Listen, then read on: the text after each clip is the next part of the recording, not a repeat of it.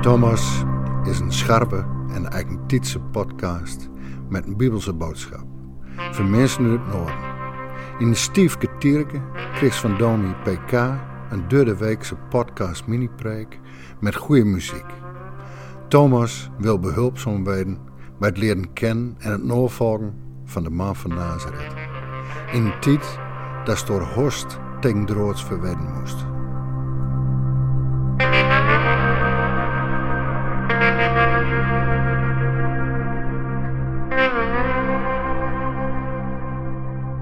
Zou jij je leven in dienst kunnen stellen van iets of iemand anders? Dat je ruimte maakt voor iets wat groter is dan jezelf? Om een voorbeeld te noemen zou je kunnen denken aan Otto Frank, de vader van Anne Frank. Hij overleefde als enige onderduiker van het achterhuis het concentratiekamp. Als hij het dagboek van zijn dochter Anne na de oorlog in handen krijgt, besluit hij het uit te geven. Na de publicatie van het dagboek heeft hij tot zijn dood brieven geschreven met de vele lezers van het boek over de hele wereld. Zo stond zijn verdere leven in het teken van de boodschap van zijn dochter. Maar is dat eigenlijk ook niet heel veel gevraagd? Dat je jezelf wegcijfert en in dienst stelt van een groter doel? In deze podcast ontmoet je een jong Joods meisje, Maria. Ze reageert enthousiast op het goede nieuws dat de engel Gabriel heeft en maakt zo ruimte voor God in haar leven, buik en hart. Je zult merken dat je door haar heen kan zien wat God in een mensenleven kan doen en dat ze zo een voorbeeld is voor jou en mij. Thema bij deze podcast over Lucas 1, vers 38 is: Ik geef me over.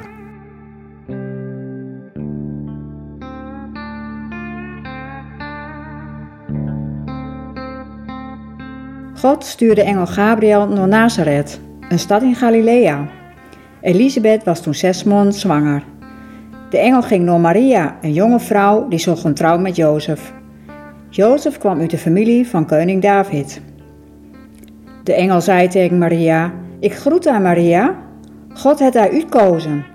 Hij zal bij daar ween. Maria schrok van de woorden van de engel. Ze vroeg zich af wat hij bedoelde. Toen zei de engel tegen Maria: Du hoeft niet bang te zijn, Maria. God heeft haar uitkozen voor iets moois. Du was zwanger en een zoon. Du moest hem Jezus noemen. Jezus zal heel belangrijk zijn. Hij zal zoon van de Allerhoogste God noemd worden. En God, de Heer, zal hem koning maken, net zoals voor de David het was. Jezus zal voor altijd koning van Israël zijn. Aan zijn macht komt geen ene. Maria is verboosd. Maria zei tegen de engel: Maar ik sloop nog niet met een man. Hoe kan ik dan zwanger worden? De engel antwoordde: De Heilige Geest zal bij jou komen. En door de kracht van de Allerhoogste God zal u zwanger worden. Daarom zal din kind bij God horen.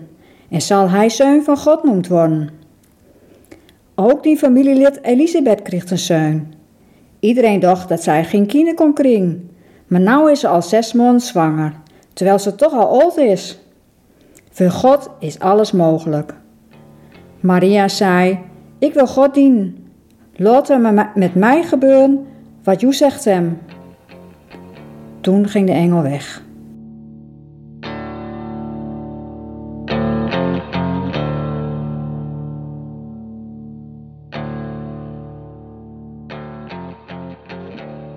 Gabriel is onderweg vanuit de hemel naar de aarde. Wat gaat de tijd toch snel? Het is alweer een half jaar geleden dat hij Zacharias verraste met een bezoek. Het liep toen allemaal wel wat anders dan verwacht. Zacharias reageerde namelijk nogal afstandelijk en vertwijfeld, terwijl hij, Gabriel en zijn collega's zich in de hemel verwonderen over het plan van de Allerhoogste om één van hen te worden. Ze wisten dat de eeuwige iets moois van plan was, maar dat hij zo ver zou gaan, hadden ook zij niet aanzien komen. De heilige van Israël heeft jaloersmakend veel over voor mensen. Maar nu is hij niet op weg naar een tempel of paleis in de hoofdstad. Hij mag de opvolger van koning David aankondigen in Galilea, Nazareth om precies te zijn. Ja, om eerlijk te zijn had hij daar zelf ook nog nooit van gehoord. En ook Maria kende hij nog niet. Dat is ook niet zo gek, want het is een gewoon Joods meisje. die zal zo meteen verrast zijn. Maar hoe zou zij verder reageren? Hoe zou zij de boodschap van Gabriel oppakken? Zijn boodschap is mooi, maar het heeft ook wel impact. En daar komt nog eens bij: een, een oude vrouw die zwanger wordt, is onwaarschijnlijk, maar een maagd die zwanger wordt, is ondenkbaar. Hij heeft in ieder geval al bedacht hoe hij haar gaat groeten. Iets wat past bij wat haar overkomt. En hij gaat hetzelfde zeggen als toen tegen Sarah, lang geleden. Voor God is niets onmogelijk.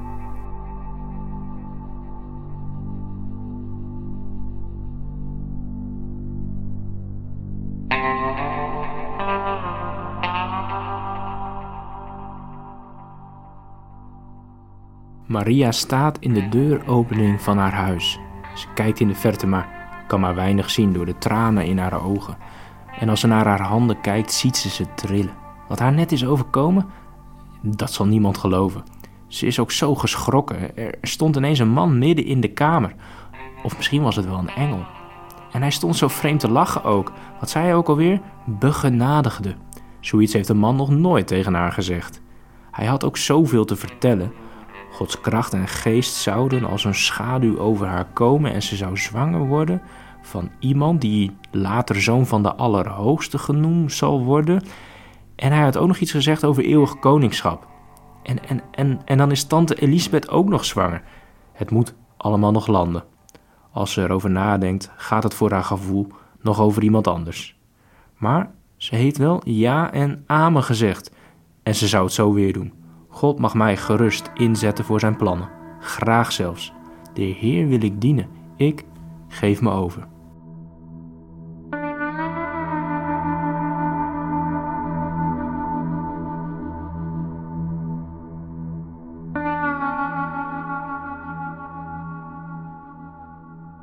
Ik geef me over.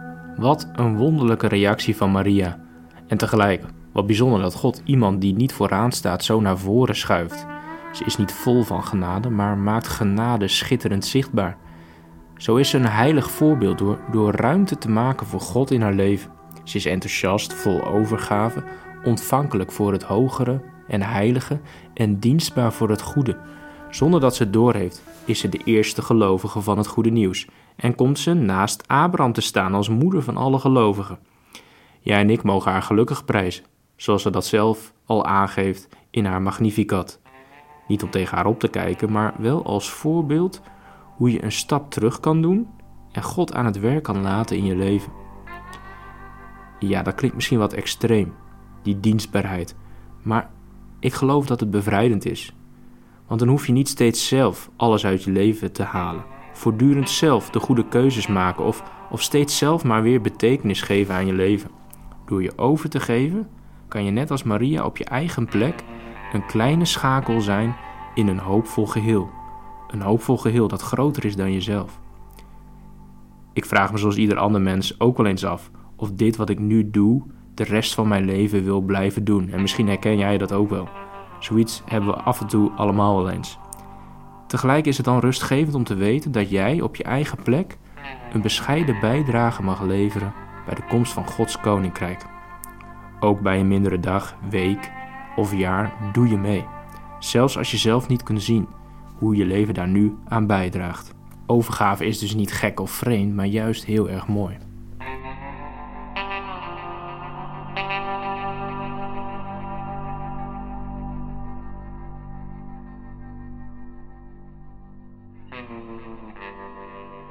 Ik geef me over. Toch vind ik dat nog steeds een beetje eng klinken. Alsof je je moet onderwerpen. Alsof je niets meer over je eigen leven te zeggen hebt. Dat is toch niet meer van deze tijd? En is Maria's voorbeeld van overgave ook niet wat overdreven? En hoe werkt die overgave eigenlijk precies? Wat bij deze vragen misschien goed is om te weten, allereerst, Maria kiest zelf actief om zich over te geven en ze blijft daar vol overtuiging voor kiezen. En daarnaast hoef je echt niet tegen haar op te kijken, ze is net zo gewoon als jij en ik. Zulke mensen gebruikt God juist graag. En vergeet ook niet, Maria heeft het vaak genoeg zwaar gehad met haar roeping. Hanna profiteert niet heel veel later dat ze als door een zwaard doorstoken zal worden. En daarnaast laat Lucas ook zien hoe ze als gelovige mag groeien.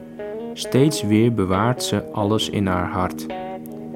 Maar wat vooral belangrijk is om te zien, Maria is geen voorbeeld omdat ze o zo graag dienstbaar wil zijn, maar juist omdat ze ruimte maakt voor God en Hem aan het werk laat in haar leven. Maar hoe doe je dat? Hoe geef je je over aan God? Hoe kun je Hem aan het werk laten in je leven? Eigenlijk weet ik dat ook niet zo goed. Het is hier bij Maria ook iets wat haar vooral overkomt. Het is de geest die bij haar aan het werk is, ook op het moment dat ze haar roeping aanvaardt. Het enige wat je misschien kan doen, is ontvankelijk zijn, een stap terug willen doen en beginnen met geloven dat iemand anders jouw leven kan laten bijdragen aan iets moois.